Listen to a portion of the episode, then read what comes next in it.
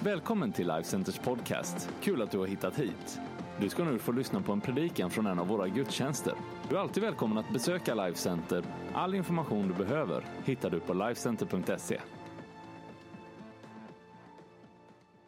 Faktiskt, men jag är jättetacksam. Tack ska ni ha. Ge din kompis en, eh, en high five och säg att du är också en härlig människa. Du är också en härlig människa. Ni vet, jag, jag, ibland sådär när, när, när man kan få eh, kommentarer om det, varför vi applåderar människor och så här, för vi gör ju det ganska mycket här, så, så, eh, så brukar jag säga så här, men det, det är primärt Guds ord vi applåderar. Det, det är primärt liksom det, vi, vi älskar uppmuntran. Vi tycker att det är härligt att uppmuntra människor som gör, något, som gör något bra. Men jag känner alltid varje gång jag kommer fram och får en sån där uppmuntran att det, det är det här det handlar om. Det är det här vi håller på med som det handlar om. Jag var i Jönköping nu i eh, fredags, eh, under fredagen och eh, träffade ett 40-tal andra pastorer, föreståndare för olika kyrkor och talade över ämnet att hålla i det långa loppet. Hur bygger man ett liv som håller i det långa loppet? Och ett faktum är att jag har varit 25 år i Västerås. 25 år! Alltså jag fattar inte, hur, vad, vad tog de åren vägen? Alltså 25, jag var ju en av de unga. Nu är det så att när jag kommer i vissa kyrkor tillhör jag fortfarande en av de unga. Eh, här så är jag så glad över att de som är lite mer mogna här, eh, använder inte, vi, vi använder inte gammal här, vi säger mogna här. Eh, de säger att jag tillhör en av dem. Och de tycker det är bra när jag predikar för att liksom, de tycker att jag är en av dem. Nu, nu, ska, nu är min förhoppning att jag inte bara ska få tala till dem, utan till oss. Och att du som är lite yngre än mig, att du ska känna att det här är något som är kanon idag. Så att vi är laddade över hela linjen, är ni med på det? Och eh, eh, jag ska tala över ett ämne idag som är den stora skillnaden. Vi kan tala om tekniker, vi kan tala om eh, praktiker, vi kan tala om olika sätt att göra kyrkor, vilka låtar vi sjunger och det är totalt egentligen underordnat, totalt pseudo, det som egentligen är det viktigaste. Vi behöver inte en låt, inte ett musikstycke, eh, om inte vi har det som är kraften bakom det som är musiken. Förra söndagen så var det en härlig människa som, som skrev på Facebook eh, dagen efter gudstjänsten att i lovsången, i början på gudstjänsten, så blev man frälst. Mitt i lovsången.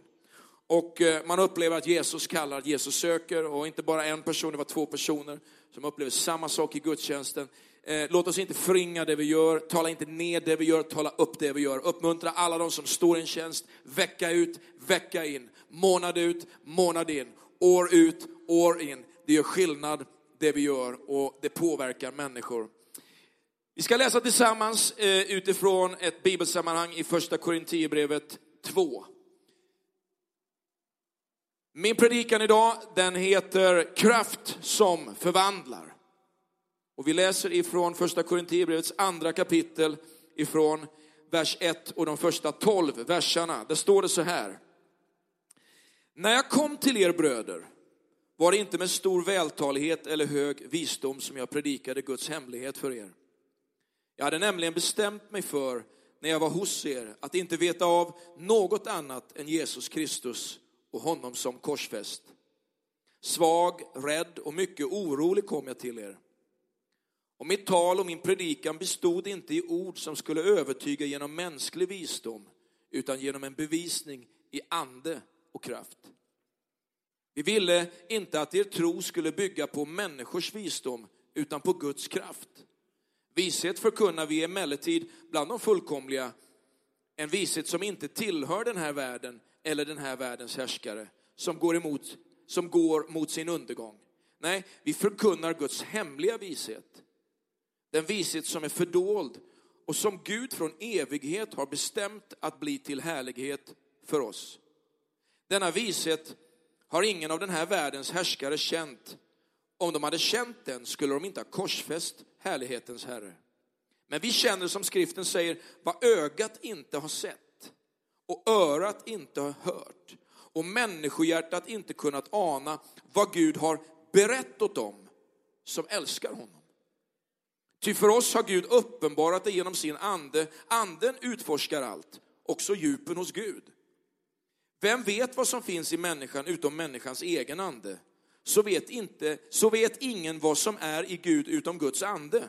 Men vi har inte fått världens ande, utan den ande som är från Gud. För att vi ska veta vad vi har fått av Gud.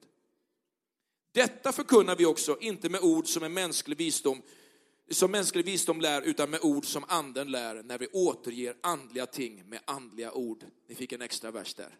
Ska vi be. Herre, jag tackar dig för att du vill lysa på ditt ord. Helige Ande, gör det levande för oss. Gör det verkligt levande för oss, Herre. Och låt oss få fånga det som är kraften i ditt evangelium, Herre. I ditt mäktiga namn vi ber. Amen. Har du någon gång drabbats av bitterhet, elände, synd, utanförskap, känslor som gör att liksom det bara reser sig upp inom dig, så kan jag tala om en sak för dig. Det hade inte skett om du i samma stund hade börjat tala i tungor. Det är väldigt svårt att synda om man talar i tungor, har jag kommit på. Det är väldigt, väldigt svårt att ta fel beslut i ett ögonblick som man talar i tungor. Det är väldigt, väldigt svårt att vara arg och slå någon på om man talar i tungor. Det är nämligen så att när vi talar i tungor eller när vi umgås med den helige ande, när vi umgås med Gud, så är det som att det går inte att mixa två verkligheter. Trots att vi på något sätt kämpar med de här verkligheterna i våra liv. Därför att alla felar vi, står i Guds ord. Alla brister vi, alla har vi syndat. Men Gud har gett oss en kraft att övervinna alla dessa egenskaper, brister, karaktärsdrag som vi alla, alla brottas med. Då är ju frågan, varför umgås vi inte mer? Varför lever vi inte mer i? När en del säger det är så mycket i kyrkan, det är så många man ska ta med till kyrkan jämt. Varför kan de inte lugna ner sig och tala om någonting annat än att vi ska vinna människor för Gud? Ja, det beror på en enkel sak. Att vad hjärtat är fullt av, det talar munnen. Vad hjärtat brinner för, det är det vi brinner för. Nu är det så här att jag sa tidigare då att, att, att det är viktigt inte bara att expandera utan att slå tältpluggarna djupt, alltså att man kommer ner i djupet också på livet. Att det finns substans i det vi är och det vi gör. Och att precis som bonden när han är ute och sår sin åker, lever i en tid, lever under förutsättningar som gör att allting har säsonger. Guds ord talar om det, att någon sår, någon vattnar och någon skördar. Men allt detta gör vi tillsammans därför att vi lever inte hyperaktiva liv utan vi lever i olika vågor, olika pulser, olika säsonger med våra liv.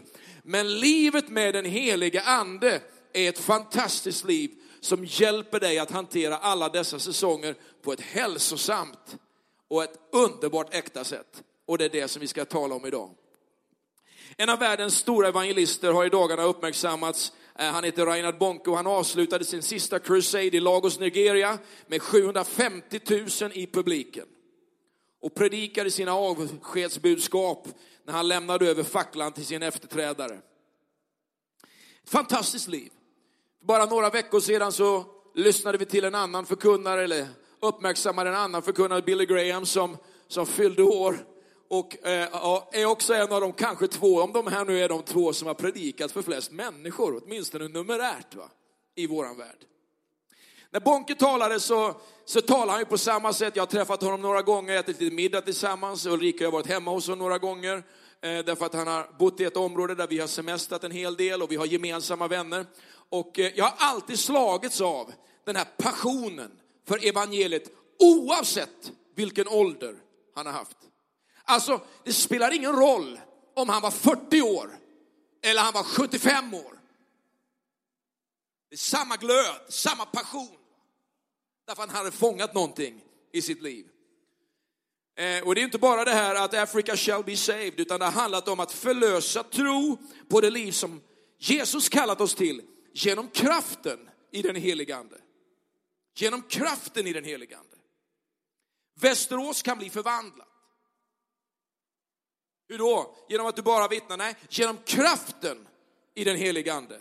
Genom ett vittnesbörd som har kraft i den heliga Ande. Nu kommer vi från olika kyrkotraditioner. Vi har vänner här som, som i vår kyrka kommer från andra traditioner än det som är den pingstkarismatiska traditionen. Kanske är du baptist, kanske är du missionare, kanske har du kommit ifrån någon annan kyrkorörelse, kanske är du lutheran, kanske är du southern baptist, kanske är du, I don't know. Vi har olika förståelse för olika dimensioner i det som är det kristna budskapet. Men vi är överens om i våran tid att vi har aldrig sett en mäktigare tid där Guds ande verkar. Och oavsett vilken tradition, vilken förståelse du har för olika delar av det teologiska eller det kristna budskapet, så är evangelium i Guds kraft det som vi behöver. Och upplevelsen av den heliga ande är tillgänglig för alla oavsett traditioner. Det finns andedöpta katoliker, lutheraner, eh, baptister och så vidare. Va? Och det finns många pingstvänner som skulle behöva bli andedöpta. Vad är det jag talar om idag? Jo, jag talar om att det är genom kraften i den heliga ande som den här världen ska förändras. Vi är inte här för att predika läror eller doktriner. Vi är här för att predika Jesus Kristus i andens kraft. Därför att vi tror på kraften i evangeliet. För att sätta människor fria, för att ge dig en helt ny framtid. Vi tror att Jesus gör under i våran tid. God will, jag fick en bönelapp här, en, ett, ett en begäran om att vi ska be för någon som har problem med hjärtat. Jesus, jag tror att du kan hjälpa den här personen. Jag ber dig Gud att du rör vid det här hjärtat just nu i Jesu namn. Jag tackar dig Gud, Herre, för att det finns kraft i dig, i ditt namn, Herre, att bota den som kämpar, att den som är sjuk kan komma till dig och tro dig om genombrott i Jesu namn. Det finns kraft i en bön som förändrar. Du ska använda den kraften. Du ska tro på den makten som du har i namnet Jesus och det som finns i den heliga ande där du går fram. Jag har tre punkter idag, den första är den här. Det handlar bara om Jesus, bara om Jesus. Det handlar om Jesus, det handlar bara om Jesus. Det är bara Jesus, alltid Jesus, bara Jesus. Det kan låta lite enkelt, det kan låta lite eh, naivt, men det är bara Jesus. Alltid Jesus, bara Jesus. Visa mig en troende som aldrig talar om Jesus och jag tycker han är en väldigt tråkig troende. Men är det någon som kommer in och inte kan så mycket men talar om Jesus så blir det plötsligt intressant för mig. Därför att då kan man tala om massa spännande djup i Gud, massa spännande sanningar om Gud, men man återvänder till det som är våran tros epicentrum och navet i våran tro, det är Jesus Kristus. Spelar ingen roll hur mycket andlighet vi försöker presentera om det inte finns Jesus i centrum. Människor blir inte frälsta genom att man går i kyrkan eller genom att man tror på Gud. Man blir bara frälst genom tron på namnet Jesus. Och många av oss behöver återvända till liksom enkelheten i Jesusrelationen. Och det är någonting av det här som jag är ute efter idag. Det står i första Korinthierbrevet 2 och vers 2. Det är Paulus som skriver det här. Han kommer ifrån en resa, han har varit uppe i Aten, han har försökt diskutera intellektuellt med många människor som var duktiga på att diskutera, intellektuellt skarpa människor. Men han insåg att ingenting händer om jag angriper liksom utmaningen bara på ett intellektuellt sätt. Och så kommer han till den här syndiga, omoraliska staden Korint. Där en församling brottas med moral och immoral, immoral i sin egen gemenskap. Det finns liksom incestliknande förhållanden, det finns eh, eh, eh sexuell orenhet, det finns eh, eh, kotterier och delningar i kyrkan. Det finns, eh, finns grupperingar som är, står mot andra grupperingar. Det finns ledare som inte tar sitt ansvar. Och så kommer han in och så är han lite fylld av fruktan och oro för han kommer från en säsong när det inte har varit så bra som han egentligen önskat att det skulle vara. Och så säger han de här orden. Jag hade nämligen bestämt mig för när jag var hos er att inte veta om något annat än Jesus Kristus och honom så som korsfäst. Du vet, du kan försöka diskutera människor in i Guds rike, men du kommer aldrig lyckas med det. Men ett ord som rör vid hjärtat i den heliga andes kraft kan förvandla allting. Vet, predikan har sitt centrum i Jesus Kristus. Det finns ingen starkare budskap än budskapet om Jesus hans död och hans uppståndelse. Och det är Jesus som den helige ande lyfter fram. När du är i plugget, när du pratar med dina kompisar om att du går till Life Center eller att du är med i bandet i Life Center eller att du går på Youth eller att du jobbar i Kids eller att du är värd, så är det jättehärligt för människor. va? Eller hur? Det är ju liksom, ja men det är en härlig förening. Men när du berättar för dem att du har mött Jesus, och att han har förvandlat ditt liv, då blir det lite nervöst. Va? För dig. och ibland för andra. Men oftast är det du som är nervös. Och andra människor tycker bara, wow, vad intressant. Att det inte bara handlar om lite halvflummig religiositet, va? utan att det finns en kraft i någonting som har förvandlat ditt liv. Jag var och klippte mig häromdagen och så, eh, jag brukar alltid prata, det är ju perfekt, vet du, man pratar med frisörer och den här tjejen som klippte mig, hon, hon, hon, eh, hon frågade om mitt liv för att, hon sa, ja för flera år sedan så klippte jag dig, sa hon, för du, du var en sån där som var ute och reste lite ibland och tyckte det var så spännande, sa hon, jag kommer inte ens ihåg henne. Ja, inte så här jätteväl. Förlåt om du är här, eh, eller lyssnar på det här. Men hon tyckte det var så spännande men det som var navet i det här med kyrkan. Jag hoppas de kanske dyker upp idag eller ikväll eller i, eh, nästa helg eller någonting. Va? Att berätta om Jesus. Vet, många människor de, de längtar efter att vara kommunikatörer. Vad är det? Alltså det är ju bra att ha kommunikatör, men jag är ingen kommunikatör. Vet, jag är en predikant. Jag är kallad, jag är inte kallad att vara en kommunikatör, jag är kallad att predika. Och vad är det jag predikar? Ja, så kommer tron av predikan. Och predikan i kraft av Kristi ord eller Jesu ord. Alltså, jag är kallad för att predika. Det är honom vi predikar. Det är Jesus vi predikar. Du vet, när jag fattade detta som en, eh, en, eh, lite äldre tonåring, va? att det var det här det handlade om, så blev jag ju jättenervös. Va? Men på min tid då, eller på den tiden, jag lever ju också, det här är min tid nu, då, då, då, fanns, då var det liksom lite inne att vara lite mera militant kristen. Alltså det här att man fick lite förföljelse för att man var en kristen, att någon inte höll med den. Eller gick på en. Det var liksom ett tecken på att man var lite rätt. va. Och att det här liksom att få lite stryk för att man var kristen i plugget, liksom, det var liksom helt okej. Okay. Det var liksom en del av paketet. Va? Att lida lite för Jesus betyder ju i våra sammanhang då att någon fällde kanske en ganska taskig kommentar på religionsklassen eller på samhällskunskapen eller på biologin eller ja, i korridoren. Det är inte som de upplever i Nordkorea. Eller i Bhutan. Utan det är någonting annat i vår tid. Det handlar om Jesus. Det handlar bara om Jesus.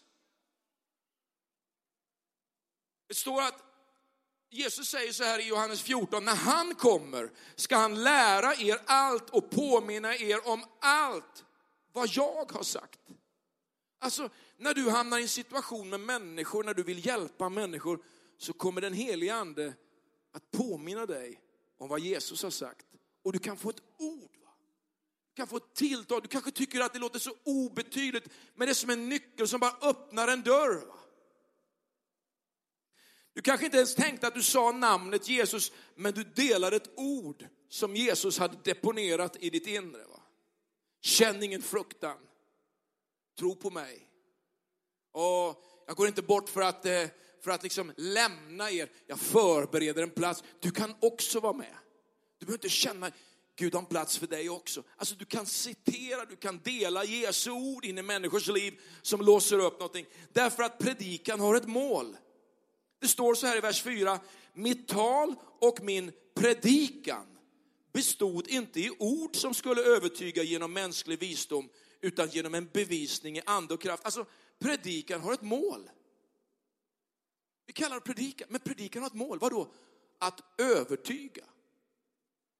Vi kallar det att övertyga. Du har ett mål när du säger någonting om Jesus, det är att övertyga. Men, men du kan inte göra det genom din mänskliga visdom. Utan det är någonting annat som övertygar och bevisar ande och kraft. Vi är alltså kallade att predika och leva med ett mål och ett syfte att övertyga. Alltså, det finns någonting positivt. Det finns en drive. Det finns en passion i mitt liv som finns där därför att jag är kallad att övertyga. Du kan också få uppleva Jesus. Du kan också få tag på ett förvandlat liv.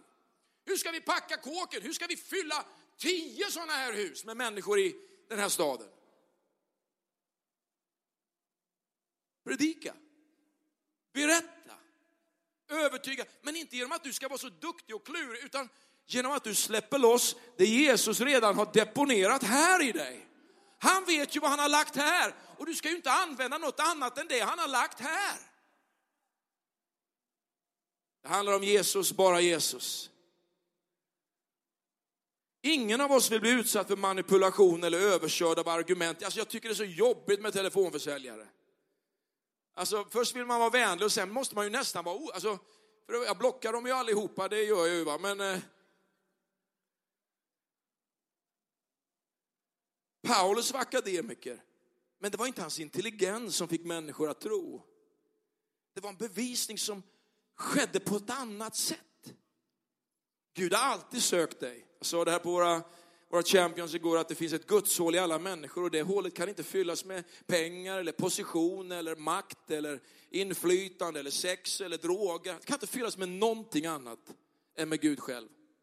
Och Guds ande övertygar, överbevisar människor om synd, dom och rättfärdighet. Alltså det är Guds ande som drar oss till sig. Han har sökt oss mer än vad vi har sökt honom och så drar han oss till honom. Och när vi blir födda på nytt så fylls detta vakuum med hans underbara, underbara kärlek och hans underbara nåd. Det står i Johannes 16 8 att när han kommer ska han överbevisa världen om synd och rättfärdighet och dom. Vet, Gud, han bekänner sig till sitt verk. När man står upp för Jesus, då är det faktiskt så att han manifesterar sig i det. Han, han, han är den som, som bekänner sig till det du gör. Det är därför vi ser mirakel. Det är därför vi faktiskt ser att människor blir frälsta. Va? Att när vi gör det så händer det. Och Bibeln säger att Guds ord kommer inte vända ut liksom, tillbaka fåfängt, alltså utan effekt. Va? Men när man talar Guds ord, då kommer det tillbaka antingen genom att en människa har tagit emot det och upplevt förvandling, va? eller att en människa har visat det ifrån sig genom ett beslut. Men det har effekt. Det har fortfarande effekt. Det kanske, resultatet kanske inte blir exakt vad du vill att det ska bli, men det har effekt. Andra tänker på idag är att tro som förvandlar bygger på Guds kraft. Det står i vers 2 här att vi ville inte att er tro skulle bygga på människors visdom utan på Guds kraft. Alltså Guds kraft släpp loss när vi predikar det ord som Jesus sagt. Alltså kommer tron av predikan och predikan i kraft av Kristi ord. Det var det jag läste tidigare. Släpp loss Guds kraft genom att samarbeta med den helige ande. Det finns ju en sån här gammal klassiker som Reinhard Bonke haft som, som talar om att, att vi, vi är alla bärare, vi kan alla vara en del av assisterad kraft. Va? Det finns liksom en assistant power i våra liv. Ja, när, när Ulrika fyllde 35 så var hon arg på mig. Du får inte berätta för henne, men hon blev lite arg för mig för jag kom sent till kalaset. Och, och alla var där, hon ringde mig, vet du, man, vad är det någonstans, vad är det? Och jag kommer, jag kommer. Ja. Så kom jag hem vet du, och, och, och, och det, det, kokade lite där i entrén vet du, och så, så lämnade jag över nycklarna till en folkvagn som jag varit och köpt till henne. Alltså en sån här bubbla, en gammal 60-talsbubbla med rosett som stod utanför huset. Och det blev lite konstigt ögonblick där, va? men jag, jag, jag tänkte nästan, kör på lite till. Det, det, idag kan jag ta det.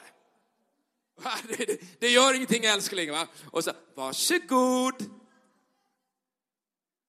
Lite barnsligt kanske, men eh, det var ganska härligt faktiskt. Han minns det ju fortfarande.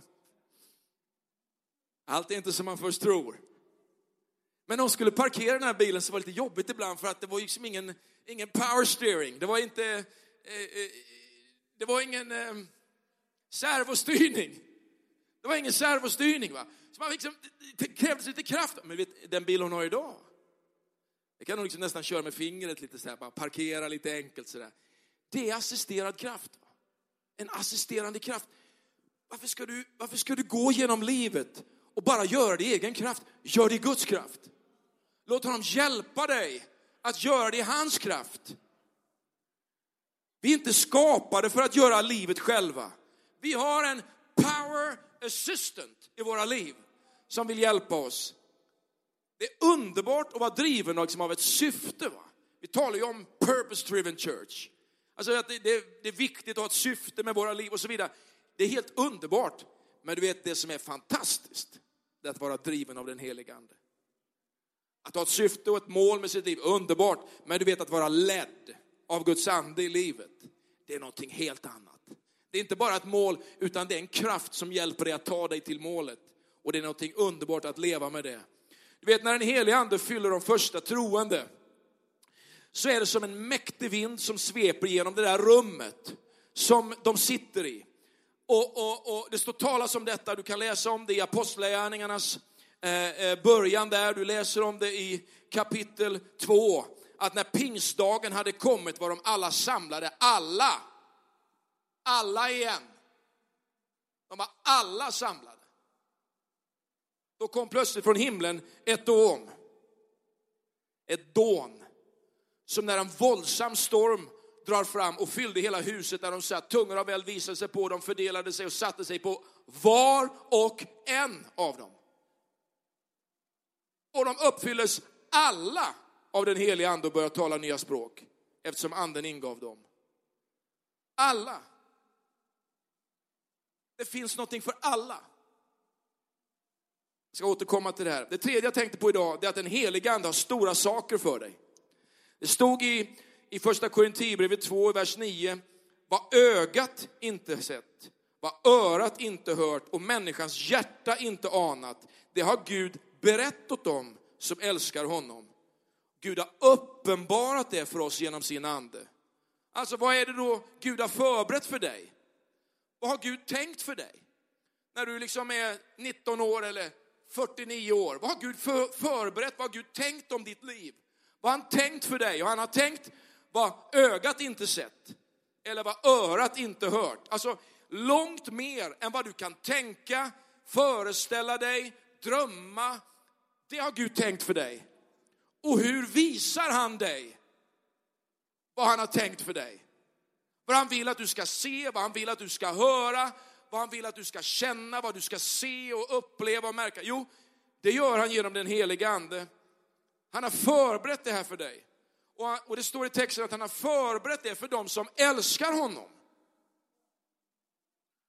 Då blir det ganska intressant att veta att om jag då ska få det, om jag då ska gå efter det, så behöver jag älska honom. Och vad betyder det? Det är mycket frågor idag. Vad betyder det att älska honom? Ja, om man tittar på den här texten så betyder det faktiskt den som ärar honom. Gud är Gud. Jesus är min kung. Jag ärar honom. Det står också den som lyder honom. Att älska Gud, det är att den som ärar honom och den som lyder honom. Alltså när han säger gör det, så gör det. När han säger gör det inte, så gör det inte. De, de är mina vänner, de är mina lärjungar, de är mina efterföljare som hör vad jag säger och gör vad jag säger. Så att jag ärar honom. Det är han som är kung. Men jag följer honom. Och Det betyder också att en, man, en annan sida är att man tar emot det som han har för mig. Att jag respekterar det han har gett mig, värderar det han, han har gett mig. Han har gett mig massa saker. Att jag inte trampar på det, utan jag värderar det. Det är sätt man uttrycker att man älskar honom. Man lever alltså sitt liv helt annorlunda genom den här gudslinsen. När jag möter människor ibland som blir besvikna eller bittra eller man, man går igenom olika saker så tänker jag så här, mm, det här skulle sett annorlunda ut om det var andra makter. Om det var andra krafter som rådde i den här situationen. Andra krafter som rådde i den här situationen. Det är den heliga ande som lär oss att förstå. Hur avslöjar han alla de här sakerna för oss? Jo, det står att han har uppenbarat det för oss. Han vill alltså inte att du inte ska veta det. Han vill att du ska veta det. Genom sin ande. Så nu tänker så här, ah, vad är det för jobb? Vad är det för, vad är, vem ska jag leva med? Vem ska jag gifta mig med? Vem, vart ska jag styra mitt liv? Hur ska jag tjäna honom? Hur ska jag göra i den här situationen? Han vill uppenbara det för dig genom sin ande.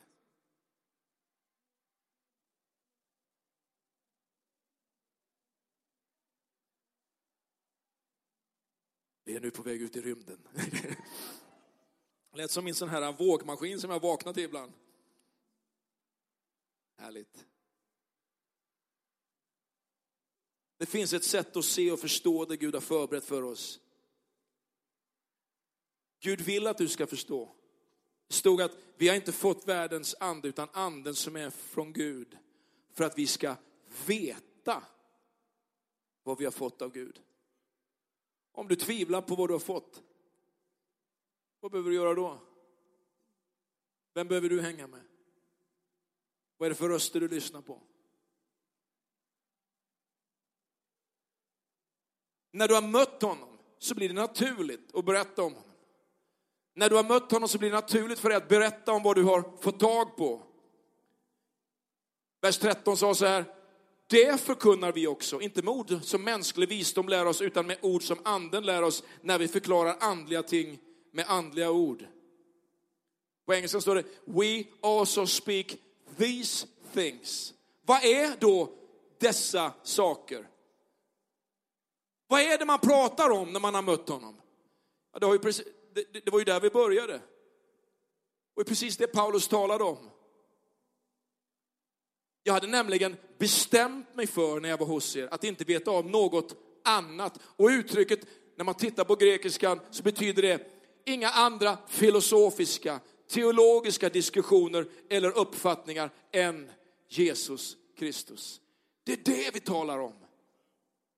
Om honom såsom korsfäst, vilket betyder meningen med att han dog och att han uppstod. Det är det vi pratar om.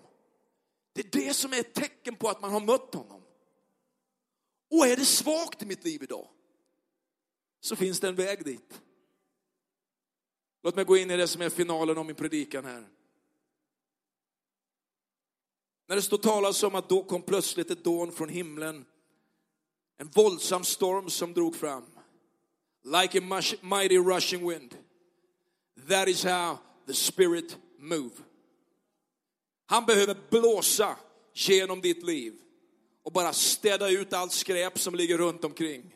Låt honom bara blåsa in i livet, blåsa bort allt det där skräpet som bara stackat sig i hörnen, som hindrar dig att röra dig fritt i det som är livet tillsammans med honom. Där Herrens ande är, där är frihet. Om du hela tiden snubblar på dina erfarenheter, snubblar på knepiga förutsättningar, låt honom bara blåsa in i ditt liv. Blåsa rent i ditt liv och gör dig tillgänglig för honom. I det här rummet var 120 personer samlade och hans ande föll på var och en. Det är inte liksom en av tio, det är inget liksom lotteriförsök. Va? Eh, tio av tio. Det är hundra av hundra. Det är 120 av 120. Han är till för alla. Det här är min final. Vad är förutsättningarna för att leva det här livet? Vad behöver jag göra för att ta emot det här livet? Två saker. Det första är det här. Det kommer ett ord som kanske kan vara lite konstigt för dig, som inte är van att gå i kyrkan eller kanske har läst din bibel så mycket. Ehm, du behöver bli tvättad i Jesu blod. Det är det första man behöver vara med om. Det betyder att allt det som finns i mitt liv av egen förmåga, egen kraft, egna försök att komma till Gud, det tar mig inte till Gud. Men när han tvättar mig ren genom sin död, sin uppståndelse, så är jag en mottaglig kanal för allt det som Gud vill göra i mitt liv. Kanske har du inte upplevt ett dop i den helige Ande, kanske har du inte upplevt kraften i honom, men han vill tvätta dig ren och tvättad ren blir du genom att komma till honom och säga Jesus, jag behöver dig mer än någonting annat. Jesus, det är du som är min kung. Jag tror att du dog och du uppstod för mig att bli tvättad ren. Kanske lever du inte så starkt i din upplevelse av det här, ditt beslut i det. Du behöver uppleva en förnyad tvättning. Att låta honom bara blåsa rent allt det som finns i ditt liv och fylla dig med sin kraft. Bli tvättad ren ifrån det som är ditt förflutna Sen är den andra saken det här, och det är egentligen inte det som du behöver göra, utan det är det Jesus gör. Jesus säger i Johannes evangeliums 14 kapitel att jag ska be Fadern att han sänder er en annan hjälpare. Han säger inte så här, jag vill att du ska be så mycket du bara orkar att du ska kämpa, att du ska vrida om armen på Gud för att jag ska fylla dig med min kraft. Han säger, jag ska be Fadern att han ska sända en annan hjälpare och han kommer att sända en annan hjälpare till dig. Han har gjort det. Du behöver inte göra det. Vet, den helige ande faller inte bara rakt ner på golvet när han kommer här och så ligger han här. Utan han har kommit för att fylla de som vill vara kanaler för honom. Han behöver liksom andliga bärare i den här världen som kan bli fyllda med honom och gå ut i den här världen och förändra den genom att predika ett budskap, det är Jesus Kristus. Och han fyller den människa som öppnar sig för honom. Du är den heliga andes adress i den här tiden. Det finns en adress i Västerås där Gud bor och det är där du bor. Där du bor, där bor Gud. Där du går fram, där går Gud fram. Du är hans adress. Ska vi göra så att vi ställer oss upp allesammans i finalen här i gudstjänsten. Du behöver inte tigga, du behöver inte vrida om armen på Gud, du kan bara öppna dig. Mina vänner, det är så fantastiskt det här budskapet om Jesus Kristus. Vi kallar det för evangelium. Det betyder glada nyheter. Det var någon som sa så här att det är väl inga nyheter, sa de. Det här är ju historia. Det är ju någonting som har hänt. Men du vet skillnaden mellan historia och en nyhet, det är att evangelium är nyheter. Varför? Jo, när vi talar evangelium, då händer det. Det har inte bara hänt en gång. När vi talade, då hände det. När du predikade, då hände det. När du ber det, då händer det. När du öppnar dig, då händer det. Det är därför evangelium är nyheter, inte historia. Du behöver nyheter, glada nyheter. Och Jesus, han predikar dem för dig genom sin andes kraft. Ska vi göra så att vi bara öppnar våra hjärtan här just nu och så ber vi honom fylla våra liv. Att röra vid oss den här morgonen, den här förmiddagen. Att bara låta hans kraft beröra våra liv och våra hjärtan. Herre, vi bara öppnar våra hjärtan för dig. Vi lovar dig och vi tillber dig. Vi hyllar dig, Gud, Herre. Vi ärar dig, Herre. Kom rör vid våra hjärtan idag, Herre. Blås rent i våra liv, Gud. Herre, vi vill inte predika någonting annat än bara dig, Jesus Kristus. Vi tackar dig för kraften, Herre, i evangeliet som gör allting nytt, Herre. Vi älskar dig, Herre, och vi lovar dig i Jesu välsignade namn. Jag ska be våra team att de bara leder oss i en lovsång här och när vi, när vi har sjungit den så vill jag göra en enkel inbjudan till dig som längtar